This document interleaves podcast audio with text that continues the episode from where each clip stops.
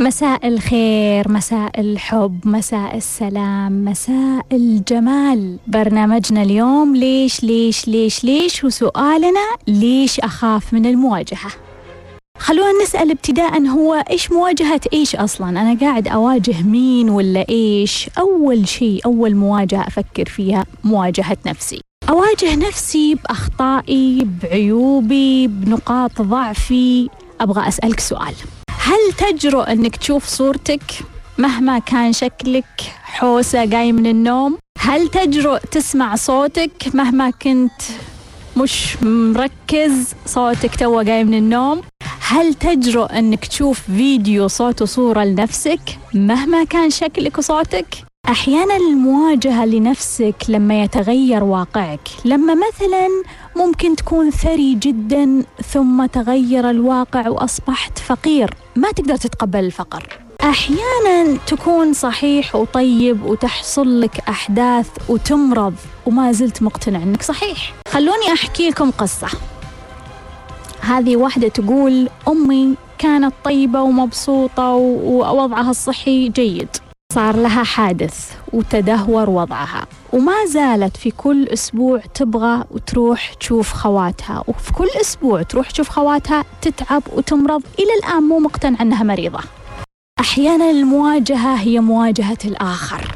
أواجه الآخر لأنه بيننا خلاف بيننا مشكلة. شعرت إنه هو أخطأ علي. أحتاج ألومه أحتاج أنبه أحتاج يعني أقول له كم كلمة كذا حامية عشان أطلع حرتي. هذه مواجهة. أحيانا مواجهة الآخر إنه عندي معلومة صعبة جدا أبغى أقول لها كيف أقول شخص أنت مريض بالسرطان؟ أحيانا المواجهة تكون مواجهة طفل صغير. أبوه وأمه طلقوا صارت له مشكلة يحتاج يعرف عنها أهله صارت لهم مشكلة يحتاج يعرفون عنها. كيف أخبره؟ أحيانا تكون المواجهة مواجهة تغير مشاعر الآخرين علينا. واحدة تقول كان في واحد يحبني بعدين صار ما يحبني. مو قادرة تستوعب أنه ما يحبها خلاص. أحيانا مواجهة الآخرين بأخطائهم هم هم ما أخطأوا علينا بس هم صار أنهم أخطأوا أو حصل شيء في حياتهم. هذه فتاة اتصلت فيني تبكي وتقول أنا مصدومة ومو قادرة أستوعب الحياة. ليش يا حبيبتي؟ تقولك اكتشفت أن أبوي خاين ومن يوم عرفت وأنا متدهورة أحيانا المواجهة هي مواجهة حقيقة أو معلومة. خلني أسألك سؤال وأبغى منك جواب سريع جدا. لو كان في محاضرة بعنوان الإثبات العلمي لوجود كائنات فضائية بتحضر ولا ما راح تحضر؟ لو كان في محاضرة بعنوان الإثباتات العلمية لمسطح الكون الأرض مسطحة تحضر ولا ما تحضر؟ لو كان في محاضرة الإثباتات العلمية لوجودك داخل برنامج وأنه أنت متحكم فيك تحضر ولا ما تحضر؟ لو كان في محاضرة الإثباتات الدينية لشيء معين أنت تؤمن أنه حرام مئة بالمئة والإثباتات الدينية أنه حلال. هل نحن نواجه الحقيقة؟ مستعدين نعرف معلومات حقيقية ولا مش مستعدين؟ أحيانا المواجهة هي مواجهة الواقع مواجهة الماضي اللي أنت مريت فيه بكل سلبياته وبكل إيجابياته. هل سمعت أحد يقول لك ما أتذكر الماضي؟ أنا ما أعرف عن الماضي. أو يكذب عن الماضي. يعني واحدة على سبيل المثال تقول لك أوه أنا أتذكر الماضي كان كله بينك وكان كل شيء جميل وكل شيء حلو. والحقيقة أنه هي كانت يعني بالزنوبة. في أشخاص ما يواجهون المستقبل. إلى الآن ما زال معهم جوال أبو كشاف. تعرفون جوال أبو كشاف؟ ما قدروا يطوروا من أنفسهم. في أشخاص إلى الآن ما واجهوا الواقع. عايشين هم في الواقع جسديا في الواقع بس مخهم في مكان ثاني. خلوني أقول لكم بعض التعليقات اللي وصلتني على تويتر وعلى إنستغرام. واحدة من الصديقات لولو تقول أخاف أنصدم وأرجع لنقطة الصفر. امتنان تقول مو دايما المواجهة هي الخيار الأصح. رنيم تقول أعتقد أن المواجهة الصحيحة لما يكون الشخص مظلوم أو حقه ضائع لازم ما يسكت. رفال تقول الخوف من كسر من خسر الآخرين أو جرح مشاعرهم.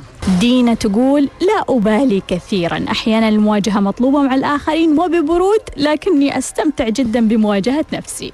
برنسس في تويتر تقول مواجهة الأمور والظروف والمشاكل ممكنة لكن مواجهة الأشخاص غير الحقيقيين أو الأكثر وقاحة وتلون مختلفة تماما فنحن لا نملك نفس أدواتهم بمعنى ما راح نوصل معاهم لمحل مجرد استنزاف لا أكثر. إحدى الصديقات قالت ما أخاف أواجه بس أنا خسرت ناس كثير لأني أواجه. أيضا تقول لأن تبرمجنا أنه عيب نواجه ونجادل خاصة إذا كان شخص أكبر مننا. على إنستغرام برضو تقول ما خاف لأن المواجهة كشفت لي أوجه ناس على حقيقتهم الوجه الآخر لهم.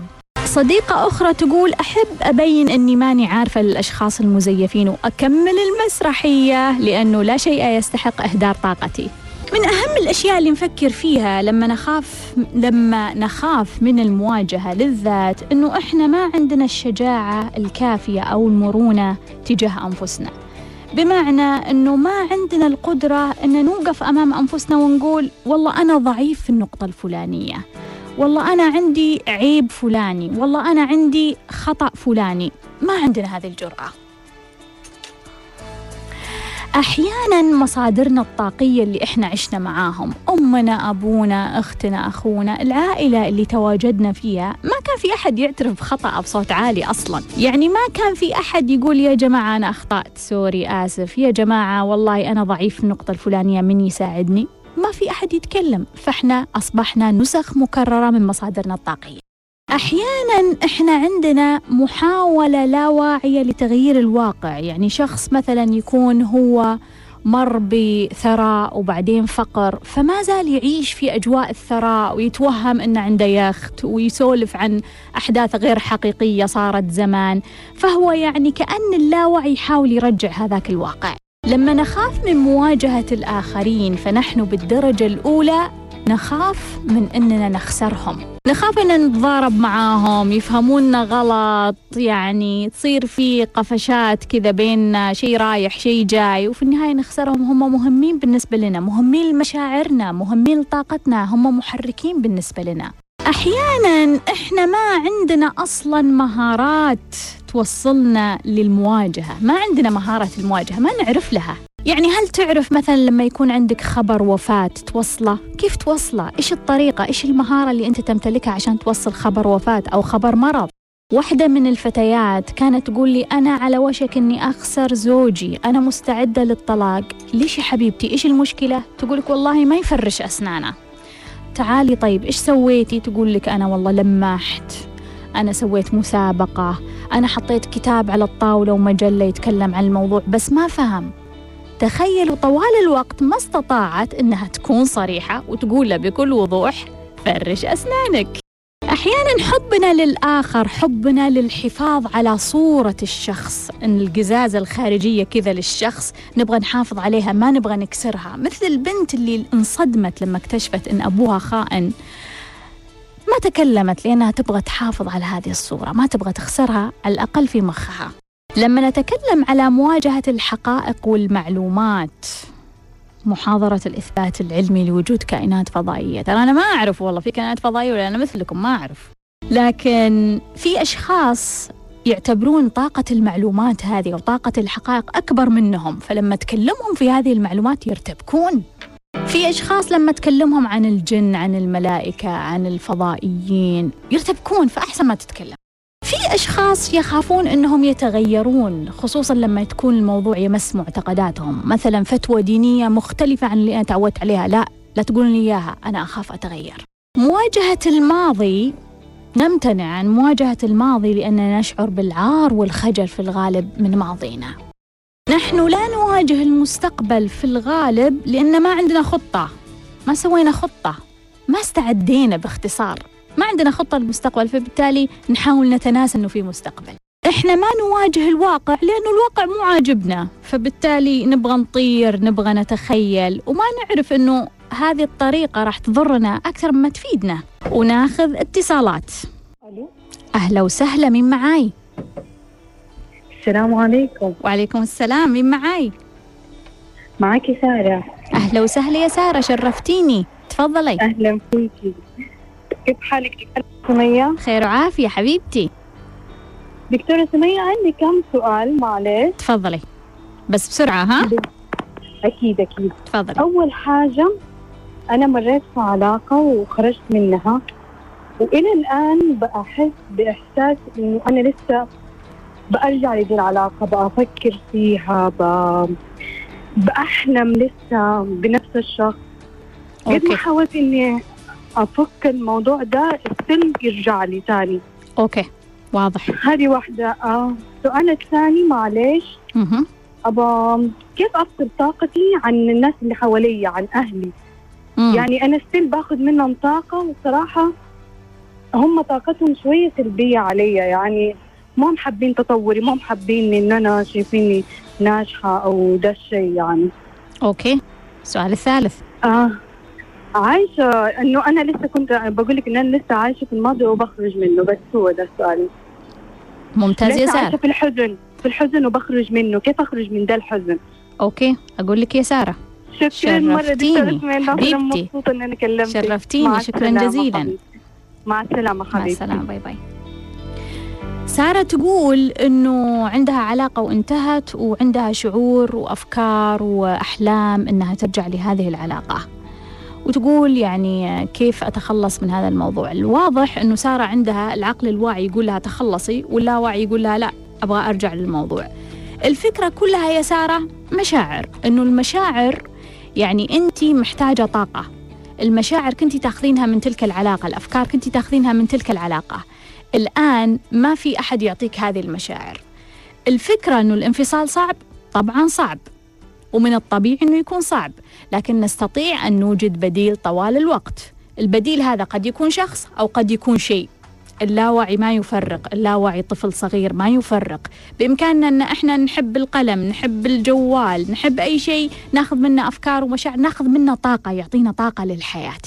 أوجدي هذه الكارما الجديدة أوجدي هذا الشخص أو الشيء الجديد.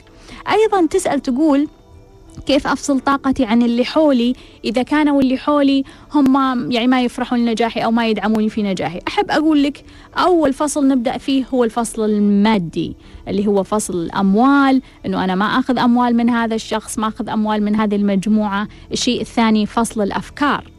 إنه أنا ما أداول الأفكار معاهم ما أخذ الأفكار منهم ما أسمع الأفكار منهم ما أعطيهم الأفكار اللي عندي. الشيء الثالث المشاعر.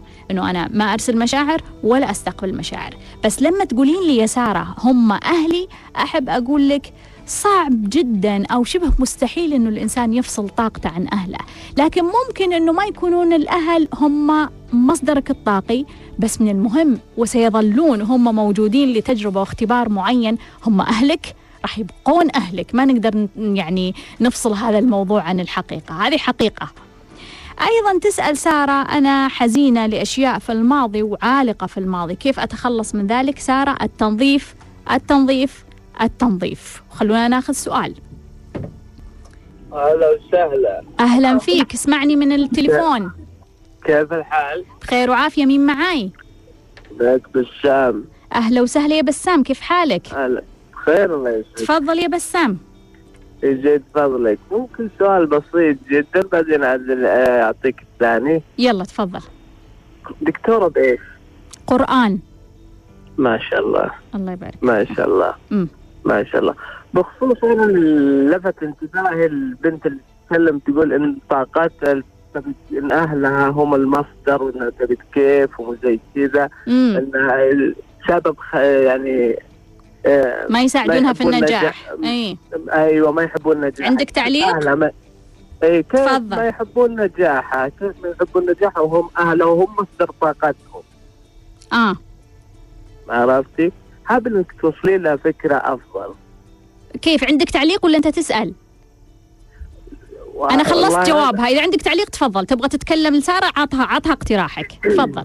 اقتراحي إن مصدر الطاقة هم أهلك. مستحيل إن أهلك يعطونك شيء بيضرك نهائيا. عرفت؟ يكون كل أفكارهم من تجربة وخبرة. يعني امم وكلها راح تطمح راح تكون تبني مستقبل أجمل. امم بخصوص الحاجة ثانية نقطة.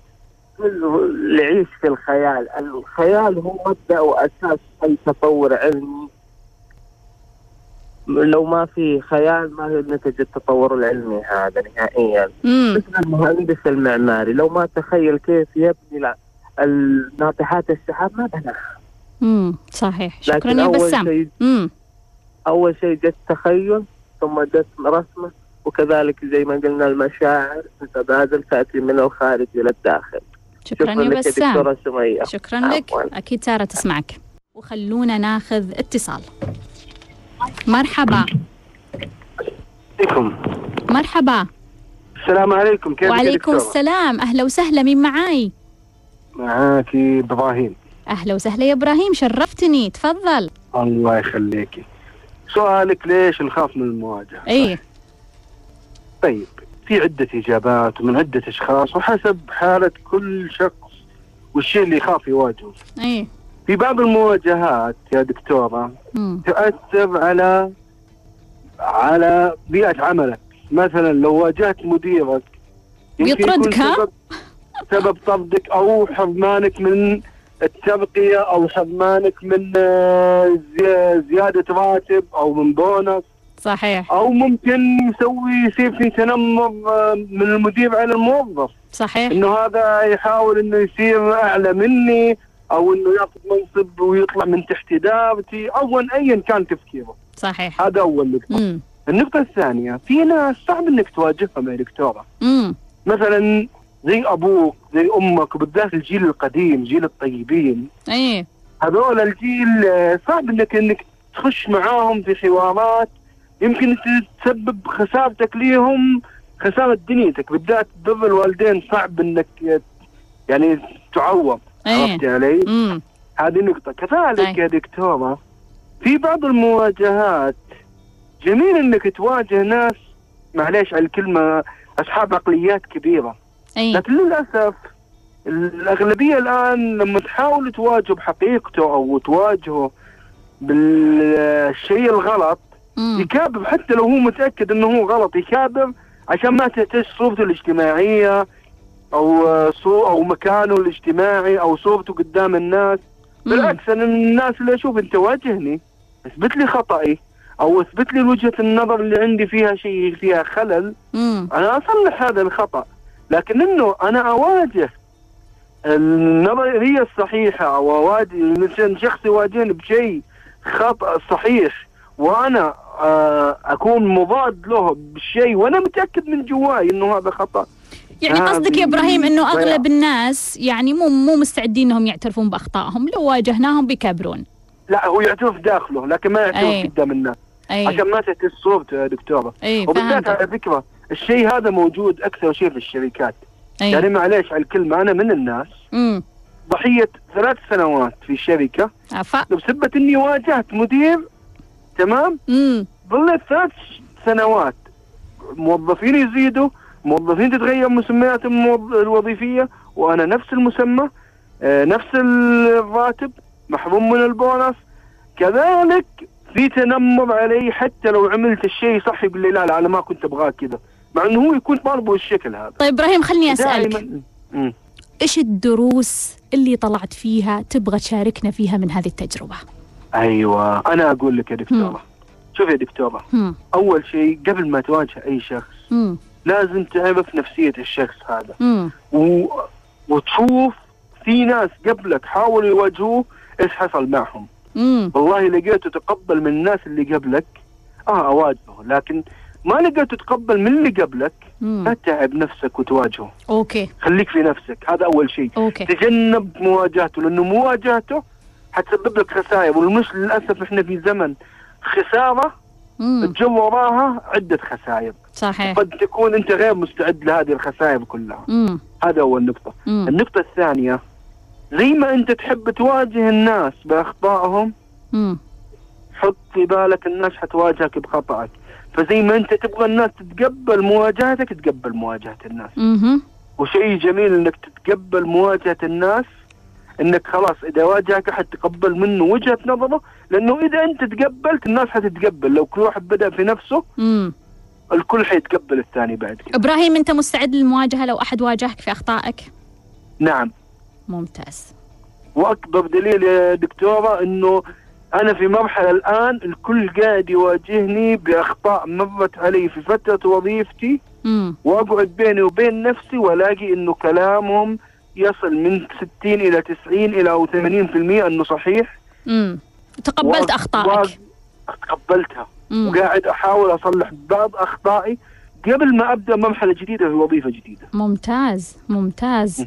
لأنه لو ما عملت كذا يا دكتور ما حتطور. صحيح. حبقى زي ما معليش حبقى إبراهيم آه مسؤول دعم فني أو مهندس دعم فني أو ايا كان المسمى الوظيفي. وغيري حيصير مدير رئيس قسم مدير تي أو صاحب شركة. في يوم من الأيام وأنا حبقى زي ما أنا. صحيح. لو ما. تقبلت ما حتحرك. صحيح. حبقى مكانك راوح على مبدأ ال- العسكر.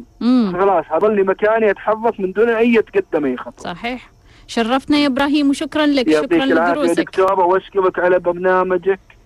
ونتمنى إنه نلقى يعني ناس بنفس القوة اللي انت قاعد تعطينا إياها تخلينا نتصل معاك ونتواجد. شرفتني شكرا. شكرا إبراهيم شكرا على هذه الشهادة. شرفتني الله. يحفظك كان في دروس جميلة أعطانا إياها إبراهيم من واقع تجربته اللي مر فيها ويقول إنه قبل ما تواجه الشخص ادرس نفسية الشخص وتأكد هل هو سبق أحد واجه أو هل هو يتقبل ولا لا وأيضا هو اكتشف إنه أنت لابد تستعد إنك تواجه الآخرين عشان إذا تبغى الناس يتقبلون المواجهة تقبل المواجهة لنفسك قبل. وخلونا ناخذ اتصال. مرحبا. أهلا وسهلا. مساء الخير. مساء النور مين معاي؟ معك ملاك. حبيبتي ملاك تفضلي. آه أنا عندي استشارة في موضوع ممكن يكون بعيد شوية عن موضوعك اليوم إذا تفضلي ممكن. تفضلي. آه دكتورة أنا تقريبا من من فترة مبكرة جدا ارتبطت بشخص في علاقة مم. وكان هذا الموضوع من من قبل ما أعرفك ومن قبل ما أعرف حركة الورقة اللي دائما تنبهين عليها مم. فاللي صار يا دكتورة إن بدأت كيمياء الحب طبعا وانتهت وما زال الحب موجود وما زال التعلق موجود وكل الأشياء هذه موجودة لكن آه ال- الهدف الأساسي من الموضوع اللي هو الزواج آم، ما زال متأخر وتحصل مشاكل مع مع الشخص هذا وأهله وفي كل مرة يعني يصير تطور بسيط في يعني بسيط في الموضوع وما زال الموضوع ما انحل يعني آه على الرغم من إن استسلمنا أكثر من مرة وحاولنا يعني إنه خلاص ستوب لكن ما ضبطت و يعني أنا. يعني أشوف إن الشخص هذا يعتبر تقريبا مصدر طاقي بالنسبة لي وأنا أشوف يعني هو كمان يشوفني مصدر طاقي بالنسبة له فما أعرف إيش. إيش الحل اللي ممكن إحنا نسويه ملاك خليني أفهم السؤال أنت ارتبطتي بعلاقة في وقت مبكر آه لسنوات طويلة انتهت كيمياء الحب الآن أنتم تحاولون تتزوجون ولا ضبط الموضوع صح؟ أي نعم مضبوط يعني صار لكم أكثر من ثلاث سنوات أي نعم مم. طيب يا ملاك خليني بجاوبك شرفتيني يعطيك العافية. مشكوره دكتورة باي باي ملاك يعني في الغالب أنا عندي وجهة نظر تقول إذا في علاقة استمرت أكثر من تسعة أشهر في الغالب العلاقة ما قدرت تكون قوية بالقدر الكافي أنها تتطور وتكون زواج. هذه وجهة نظري. وأعتقد إنه انتظار أكثر من ثلاث سنوات إنه إحنا ننتظر الرجال يجي ولا ننتظر الأهل يوافقون ولا ننتظر ال- الكون يتضبط ولا ننتظر ملك ينزل ويضبطنا الموضوع ما راح يصير. خلونا ناخذ اتصال. مرحبا. ألو؟ مرحبا. السلام عليكم. وعليكم السلام مين معاي؟ دكتورة سميه أهلا وسهلا. أم، أنا بدور من المدينة المنورة. أهلا وسهلا يا بدور حابة استفسر منك دكتورة. أنا آه. عندي أختي اللي عندها المشكلة مو أنا بس حابة أنا أعرف كيف ممكن أساعدها. أختي دكتورة يعني ما شاء الله يعني متطورة في الوعي لها كم سنة؟ مم. المشكلة إن هي متزوجة كانت والحمد لله عايشين حياتها هي وزوجها مبسوطين مم. وكان تقريبا هو مصدرها الطاقي مم. لكن فجأة وبدون سابق إنذار قبل أسبوعين أتوفى زوجها مم. يعني تقريبا كان لهم خمس سنوات ما عندهم أطفال مم. ما كان برضو ولا تعبان يعني مات فجأة مم. فهي دحين نفسيتها مرة تعبانة مرة متدهورة ومصدومة ما بتاكل ولا بتشرب لها تقريبا أسبوعين وهذا الثالث. بس أنا حابة أعرف إنه في ذا الوقت أنا كيف ممكن أساعدها؟ يعني هي عندها بعض من دوراتك مم. آه، عندها الباب الخلفي عندها الوعي الطفولي. مم. أنا عندي نافا لكن ماني عارفة كيف ممكن أساعدها؟ أنا عارفة إنه الحزن ياخذ وقت. مم. أو الإنسان يبدأ شوي شوي يتحسن بس ماني عارفة إيش ممكن أساعدها في هذه الفترة. okay. أقول لك يا بدور طيب. شكرا شكرا دكتورة حبيبتي. شكرا حبيبتي. بدور. أنا أشكر اهتمامك بأختك وبوجودك في هذه المرحلة الحرجة وأعتقد أنه عندك رسالة كما هي عندها رسالة تحتاج تفهمها. وأكيد هي تمر بلحظات صعبة وحرجة ومش من السهولة أنه الشخص يخرج من الحزن لكن دائما هناك فرصة أنه الشخص يخرج من الحزن. إذا كان عندها الباب الخلفي أقترح أنه أنك تخلينها تسمع راح يفيدها كثير. أيضا أقترح أن تكونين حولها طوال الوقت. عشان تشوشين على الأفكار والمشاعر اللي موجودة عندها. وقدر الإمكان حاولي تحدثين تنقلات في المكان بشكل سريع لأن برضو هذا يربك الأفكار والمشاعر. يعني انتقلي مكان المكان يمكن آه، تسافرين فيها تنتقلون من أوتيل لأوتيل. كل هذه تربك تربك الأفكار تربك المشاعر. أوجدي كثير من المجلات الجرايد الكتب في المكان اللي هي فيه. برضو هذه راح تسوي إرباك لكل الأفكار. كل هذا إحنا نحاول إن نساعدها. برضو لا تنسين الصوتيات الجيدة بالترددات الجيدة عشان تساعدها إنها ترجع لمرحلة التوازن. وناخذ اتصال. مرحبا. السلام عليكم. وعليكم السلام. مين معاي؟ معك فاطمة من أبها. أهلا وسهلا يا فاطمة وأهلا بأهل أبها. الله يسلمك. حب كبير دكتورة يا سمية. حبيبة قلبي. كبير. حبيبتي. فاطمة سمي تفضلي إيش سؤالك؟ آه أنا سعيدة جدا إني قدرت أكلمك صراحة. آم، عندي بس سؤال عن المواجهة. آم، الوالدة عندنا مريضة ومو مريضة بنفس الوقت. يعني هي جاها مرض بعدين اكتشفنا بعدين إنه التشخيص خطأ. مم. بس لين الحين هي عاجبها إنها هي مريضة مم. و زي اللي هي مستغلة هذا الشيء إنه إحنا نهتم فيها مم. هي تركت الوظيفة إنه يلا ديروا بالكم علي مم. و يعني صعب إن يعني خلاص قال لها الطبيب مو مريضة وما فيك إلا العافية وكذا. آه، بس هي زي اللي ما ما ودها إنها اكتشفت هذا الشيء كان عاجبها إنها مريضة مم. انه الكل داير باله عليها. مم. الحين لما مثلا إحنا يعني نتركها أو ما نهتم فيها زي اللي تعتب علينا. إي. إنه أنا مريضة ديروا بالكم علي أنا أصلا الاطباء ما يفهمون. مم. فشلون نقدر يعني أو أنا شخصيا شلون أقدر أواجهها بدون ما بدون ما أضرها أو أضر نفسي؟ إي. شلون أقدر أقول لها لا انت مو مريضة سوي كذا سوي بس هي تعرف إنه هي مو مريضة. هي تعرف بس مم. إنها شك هي مستفيدة من الحالة اللي هي فيها بطريقة أو أخرى مم. مم. فشلون نقدر نواجهها بدون أنا ما أضر علاقتي فيها أو أجرحها أو يعني مم. بدون هي ما ت... يعني تفهم الموضوع بطريقة أخرى انت تتوقعين لو مسكتيها وقلتي لها يا ماما انت مو مريضة هذه الحقيقة وش بتقول هي تقول لا انت ما تشوفيني مريضة انت ما تشوفين شلون أنا تعبانة مم. مم. أوكي وطول الوقت تحب إنها تكون طريحة الفراش أو إنه يعني ما هي قاعدة تحاول تنبسط أنا أتذكر كنت أحضر معك بس الفرح مم. ما اشتركت بالدورة بس حاليا اشتركت بنافا. فأتذكر ان تقولين إن أكثر شيء تقدر تساعد فيه الآخرين إن أنت تكون فرحان مم. يعني طاقة الفرح اللي عندك هي صحيح. تساعد الأشخاص اللي حواليك صحيح فلما أكون أنا فرحانة ومبسوطة أحاول أسوي جو. هي اللي تعتب علي شلون تفرحين وأنا مريضة صحيح أو شلون تسوون اجواء كذا مرحه وأنا مريضة. مم. مم. ف طيب. شلون يعني نقدر نحل خليني أقول لك يا هذه؟ فاطمة وشكرا لاتصالك. شكرا جزيلا. طيب. فاطمة أمها آه، تشخصت بطريقة خاطئة أنها مريضة وبعدين صححوا التشخيص وطلعت مو مريضة بس هي حسب كلام فاطمة أنه هي يعني انسجمت مع فكرة المرض يعني ناسبتها أكثر من فكرة الصحة. وبدأت تستغل الموضوع تركت وظيفتها وتطلب اهتمام وتسأل يعني آه، أبنائها يعني كيف تسوون كذا وأنا مريضة. ففاطمة تقول كيف أنا أساعدها أنها هي تطلع من الفكرة؟ هل أواجهها؟ آه، فاطمة أنا أقترح أنه أنت آه، تقصين عليها قصص لأشخاص ضروا أنفسهم بهذا الوهم. يعني كيف في أشخاص صارت عندهم قصص أنهم توهموا المرض توهموا المرض لما مرضوا وتضرروا أكثر.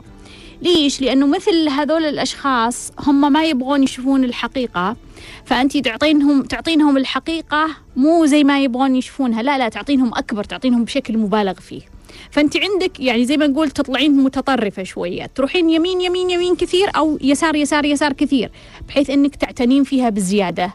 تقدمين لها عناية بشكل كبير. لا لا لا, لا تقومين لا تتحركين لا تسوين شيء. أنت مريضة. بالتالي كذا العقل بينصدم يقول شو بنتي تكذب علي أو أو تبالغ في الموضوع فانت راح تقولي لها انت مريضة انت مريضة لا تسوين لا تتحركين لا لا لا تتكلمين لا. فهي تحس إنه كأنها تقيد كأنها تورطت في الموضوع فالعقل يخليها تنتبه إنه لا ترى أنا مو لهالدرجة أنا مريضة بس أنا مو لهالدرجة. أو اننا ناخذ ال- الجانب الآخر عشان الوعي الطفولي عندها الطفل الداخلي ينتبه ويقول لا انتبهي ترى انت ممكن تمرضين فعلا ويصير الموضوع أكبر وأكبر فيحتاج كأن ال- الطفل هذا يحتاج يتخوف أكثر شوية. وناخذ اتصال. مرحبا. أهلا وسهلا. مرحبا. مين معاي أهلين آه معاكي ندى. أهلا وسهلا يا ندى. آه عندي سؤال. آه أنا عمري ثلاثين سنة مهم. وأحس إن عمري عشرين سنة. امم يعني حركتي خفيفة وأضحك وماني جدية يعني. امم طيب وين. المشكلة؟ ما أدري يعني كل اللي حواليا يقول لي غلط وما يصير ولازم تكوني يعني ثقيلة و ما أدري بس أنا حابة هذا الشيء يعني. امم طيب أقول لك يا ندى طيب عندي سؤال ثاني تفضلي. يعني أنا خفيفة في الحركة وأجري بس آه يعني أمي قالت لي إني أمشي بشويش وخليكي ثقيلة يعني وراكزة. امم بس و... وصار عندي أحس إنه وزني مرة صار ثقيل بس مم. أنا خفيفة أصلا يعني. امم أحس إنه وزني مية. وكم وزنك أصلا؟ يعني مثالي. مم. طبيعي وزني. امم آه وبس آه وصار عندي ألم في الركبة. امم بسبب هذه الفكرة يعني ما أدري كيف إيش الحل. امم طيب. وبس، شكراً لك يا. ندى شكرا جزيلا. كان معاي ندى تقول إنه أنا عمري 30 وأحس إنه عمري 20 وعندها شوية أمها يعني دايم تقول خليك ثقيلة فتقول الآن أنا وزني مثالي لكن شعوري وإحساسي أنه وزني مئة وجاني ألم في الركبة. ندى نقدر نخمن أنه الطفل الداخلي يقود أنه الطفل اللي بداخلك هو ماسك المركبة أغلب الوقت هو اللي قاعد يقود. في مجتمعاتنا الناس ما تتقبل الطفل الداخلي بالشكل الفرح المرح النكتي خفيف الدم خفيف الظل. بس تتقبل الطفل الداخلي الغاضب المعصب اللي ينتقد الفوضوي. هذا يصفقون له على طول. يعني انت ادخل تويتر سب اشتم الناس اشتم اللي تبغاه الناس يصفقون لك. مع انك انت طفل داخلي. يعني طفل فوضوي ماسك المركبة وقاعد تفحط. بس خليك أنت تنكت تسوي نفسك يعني خفيف. دم ومبسوط ما يتقبلونك الناس. فهذه طبيعة المجتمع يا ندى. أنا أعتقد إنه المفروض إنك ما تتوترين من رأي أمك من وجهة نظرها. هي تشوف من زاويتها تشوف من وجهة نظرها. هي تحاول إنها تحميك. هي ترسل الحب الذي تعرفه. هذه هي طريقتها في نظرتها للحياة. لكن وين المشكلة؟ المشكلة لما انت تصدقين الموضوع وتاخذين الموضوع جد. الآن انت في صراع. صراع إنه يا جماعة هل أنا فعلا أحس إن عمري 30 وأثقل ويعني يصير حركتي ثقيلة وبناء عليه يصير وزني 100 آه، ما أعرف شلون ركبتيها بس أكيد عندك فلاتر كثيرة ركبتها. أو إني أظل أنا يعني شعوري 20 ووزني خفيف وما عندي أي ألم في الركبة ولا ولا ولا. ألم في الركبة إحنا دائما يعني قد يعطينا إشارة بس انت لازم تروحين للطبيب وتشيكين بس البعد المشاعري في الموضوع إنه إحنا نخاف من المستقبل. بالتالي نبشي يا ندى في الموضوع إيش اللي قاعدة تخافين منه في المستقبل؟ احمي نفسك من أي تعليقات سلبية قد تأثر على وجهة نظرك تجاه نفسك ورؤيتك لنفسك. وخلونا ناخذ اتصال. مرحبا. ألو مرحبا. عليكم. وعليكم السلام. أهلا وسهلا. اهلين هلا دكتورة. آه، سمي ممكن أسألك سؤالي؟ مين معي معك حنادي أهلا وسهلا يا هنادي تفضلي. آه، دكتورة أنا عندي سؤال. أنت آم، ذكرتي دائما إنه الشخص انعكاسك يكون في حياتك حتى الأشخاص المتقدمين. مم. آه، ليش لما يكون ال- ال- الموضوع كعلاقة يظهر لي الرجل المثالي لكن لما يكون في موضوع خطبة تقليدية ابدا مش نفس المواصفات؟ عيدي لما يكون- لما يكون تتعر... تاخذين شخص بعلاقة مثلا؟ اي علاقة؟ أو يظهر- معرفة. يظهر شخص مثالي. مثا- مثالي نفس اللي أنا يعني أبغى أو أطمح يكون مثلا ذا علم ذا عائله مرموقة زي إيه. كذا. لكن لما يكون تقدم تقليدي إيه؟ ابدا أقل من المطلوب. هو قصدك يعني أقل من أو- المطلوب ولا هو مو انعكاس؟ لا أقل من اللي أنا أبغاه. آه لكن المشكلة أن أن العلاقات ما تظهر كزواج. خلاص تكون مجرد تعارف. مثلا يكون قبول أنا ألاحظ القبول من الأشخاص ألاحظه يعني أقول ليش ما يكون زواج؟ لا. امم لكن لما يكون مثلا خطبه وب- وبانين أنهم زواج ما يكون ابدا يعني يرفض من البداية. امم يعني ما يكون على قدر من الت- التعليم أو المادة أو اللي أنا حاطته يعني اللي, إيه، اللي إيه. أنا حاطته. امم فهمتك يا هنادي خليني أجاوبك. شكرا جزيلا. شكرا. هلا والله. هلا هنادي تقول إنها لما تعرف شخص تتعرف على شخص يكون مواصفاته جيدة ولما يجي يخطب لما شخص ثاني يخطب يكون مواصفاته أقل. فهي تقول وين الانعكاس؟ هل هو بالشخص اللي أنا عرفته ولا بالشخص اللي جاي يخطب؟ خلني أقول لك آه، ولا واحد. ولا واحد منهم هو انعكاس. الانعكاس لما انت تتزوجين لما لما تتزوجين أو تدخلين في علاقة حقيقية هذا هو في النهاية هو الشخص اللي انعكاس من ناحية إنه ليش مرة يجيني شخص بمواصفات يعني يمكن خمس نجوم ومرة شخص أبو نجمة واحدة السبب إنه مستوى طاقتك. أنت تختلف مستوى طاقتك اليوم أنت يعني سعيدة مستوى طاقتك عالي بس في الغالب ما راح يكون في اختلاف كبير. يعني في الغالب ما راح يكون فيه. لو دققتي في الموضوع ما راح تلقين فيه فارق كبير يعني يمكن خمس نجوم وأربع نجوم أو مثلا ثلاث نجوم وأربع نجوم ما راح يكون في فارق جدا كبير يمكن هذا إحساسك بس لو ركزتي بالمواصفات الإيجابيات والسلبيات راح تلقين إنهم متقاربين وكله يعود لوضعك الطاقي في نفس ال- ال- اليوم أو في نفس الشهر. مرات أنت تكون حزينة زعلانة متذكرة كل الماضي السلبي والمستقبل الغير مضمون ومتكركبة من داخلك وفوضى المشاعر حاضرة عندك. فبالتالي متوقع إنه يجي شخص يعني مستوياته أقل. لكن لما تكونين ذاك اليوم والله سعيدة فرحانة مشاعرك جيدة نتوقع إنه أفضل الموجود يجي بهالطريقة. وناخذ اتصال.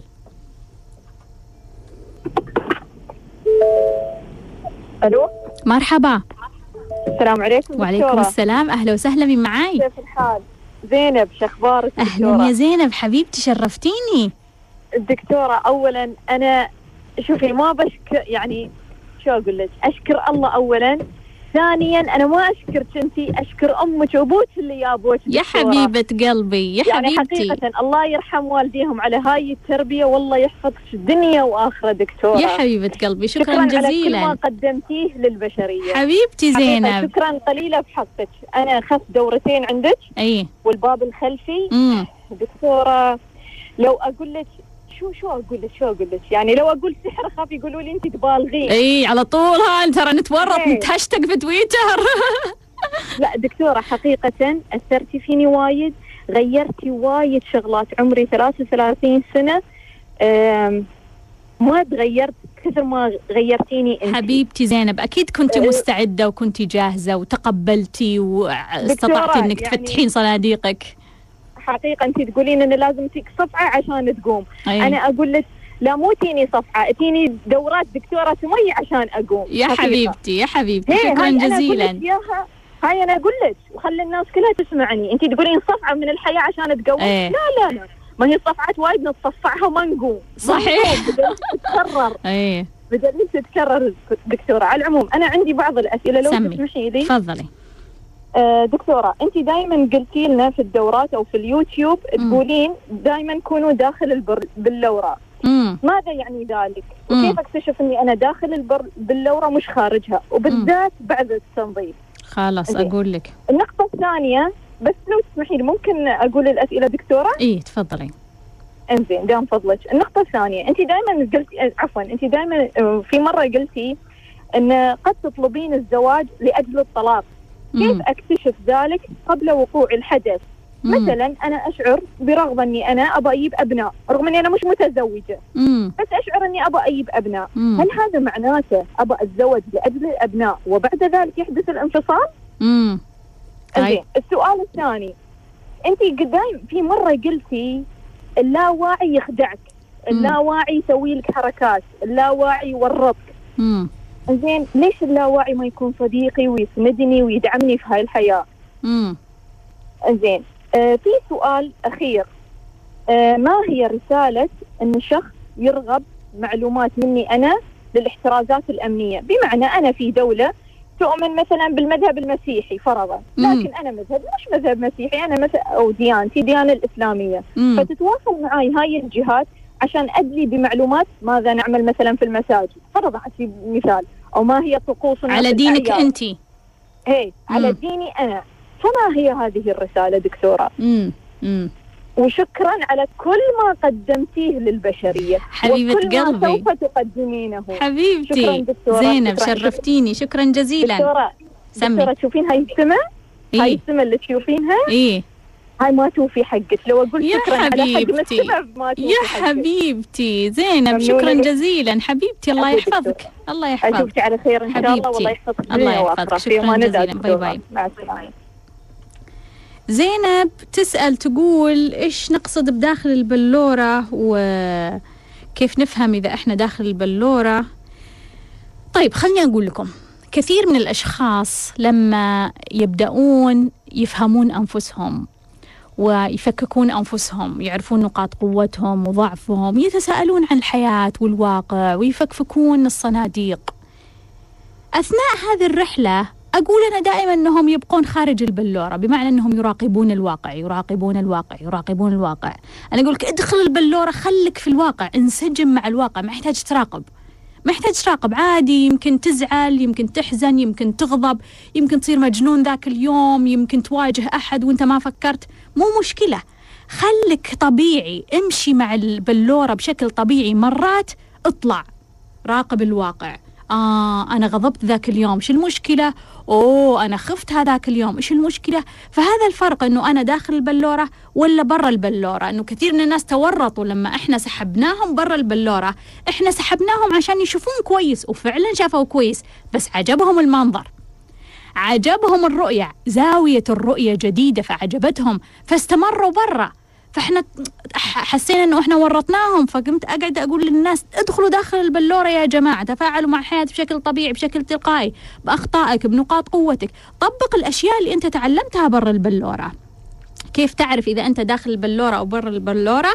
هو موضوعنا لما قلنا هل أنت حقيقي. الناس اللي برا البلورة ترى مش حقيقيين لأنهم يراقبون. تشوفه هو فاهم في الوعي فاهم في التطوير قد يكون فاهم في الاستنارة. لكن تشوفه تحس إنك في تمثيلية. ما تحس إنه هذا الشخص واقعي حقيقي طبيعي تلقائي.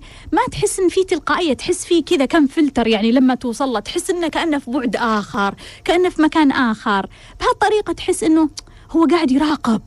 هو قاعد يراقب نفسه قاعد يراقب سلوكياته قاعد يراقب مشاعره قاعد يراقب مو وقت المراقبة. خليك جوا البلوره برضو تسأل زينب أنه أحيانا أطلب الزواج لأجل أجل الطلاق أنه كيف أعرف مثلا إذا كان عندي هدف الهدف من الزواج هو الأبناء؟ نعم في الغالب هذه نية الزواج ضعيفة فبالتالي ممكن جدا أني أنا أجيب أبناء وبعدين أطلق طب إذا كان أنا عندي نية الأبناء هي الأقوى وهي الأهم طب إيش المشكلة أني أنا أط- أتزوج وأطلق ما عندي مشكلة بس أنا عندي هدف أهم أنه أنا أو نية رئيسية بالنسبة لي إني أجيب أبناء. فبالتالي ما يقلق وش اللي بيحصل بعدين مش مقلق. هل ممكن إني أعرف إني أنا طلبت الطلاق؟ نعم. في الغالب لو كان في شخص بس بيطلع برضه برا البلورة ويركز ويعمل تأمل ويسأل السؤال الصح بيعرف إنه هو في الغالب يعني هو عارف إنه هو بيتطلق بس هو بيتزوج عشان هدف معين أو بيمر بهذه التجربة أو بياخذ رسالة معينة أو بياخذ أبناء. أيضا زينب كانت تسأل إنه اللاوعي دائما إني أنا أقول لها إنه اللاوعي يخدعك إنه ليش ال- اللاوعي ما يدعمني؟ ليش ما هو يعني يوقف معاي ويسوي الأشياء بطريقة جيدة؟ أبغى أقول لك إنه اللاوعي هو يدعم بس بطريقته. اللاوعي هو مثل الطفل اللي قاعد يحميك طوال الوقت. هالطفل هذا في اللحظات الحرجة الحرجة يعني خلاص هو اللي بينقذ الموقف. هو اللي بيتصرف. وبناء على تصرفاته أنت بتعيش. فالطفل هو بيعيشك بيعيشك حتى في الطريق الغلط. يعني مثلا آه، نلقى واحدة متعلقة بشخص تركها ولا سوالها مية مصيبة بس الطفل اللي جواتها اللي هو اللاوعي يخليها تستمر. ليش؟ لأن يبغاها تعيش يبغاها تعيش. لو ما استمرت في علاقة مع هذا الشخص ممكن تموت لأنه مشاعرها خلاص انتهت انهدت انكسرت. ما عاد تتحمل أنها ما عاد في روابط لهذه الحياة. فبالتالي هو بوجهة نظر أخرى أو من زاوية أخرى هو يساعدك هو يدعمك لكن في نفس الوقت هذا الدعم بطريقة طفل. أيضا عندها سؤال أخير كانت تسأل ليش أو أو لما يكون عندي آه، رسالة رسالة آه، شخص إيش الرسالة؟ شخص طلب منها معلومات دينية. فجابت مثال أنه مثلا هي تكون في دولة مسيحية ويطلبون منها معلومات عن دينها. كيف يفعلون في المسجد كيف يفعلون في الشيء الفلاني. ما هي التقاليد الدينية في النقطة الفلانية؟ ما هو الحكم الديني في الشيء الفلاني؟ فتقول إيش الرسالة من هذا؟ الرسالة يا زينب أنه تأكدي من معلوماتك الدينية. أتمنى أنكم تكونوا استفدتوا واستمتعتوا في حلقتنا لليوم وتذكروا دائما الدنيا خضرة حلوة. إلى اللقاء.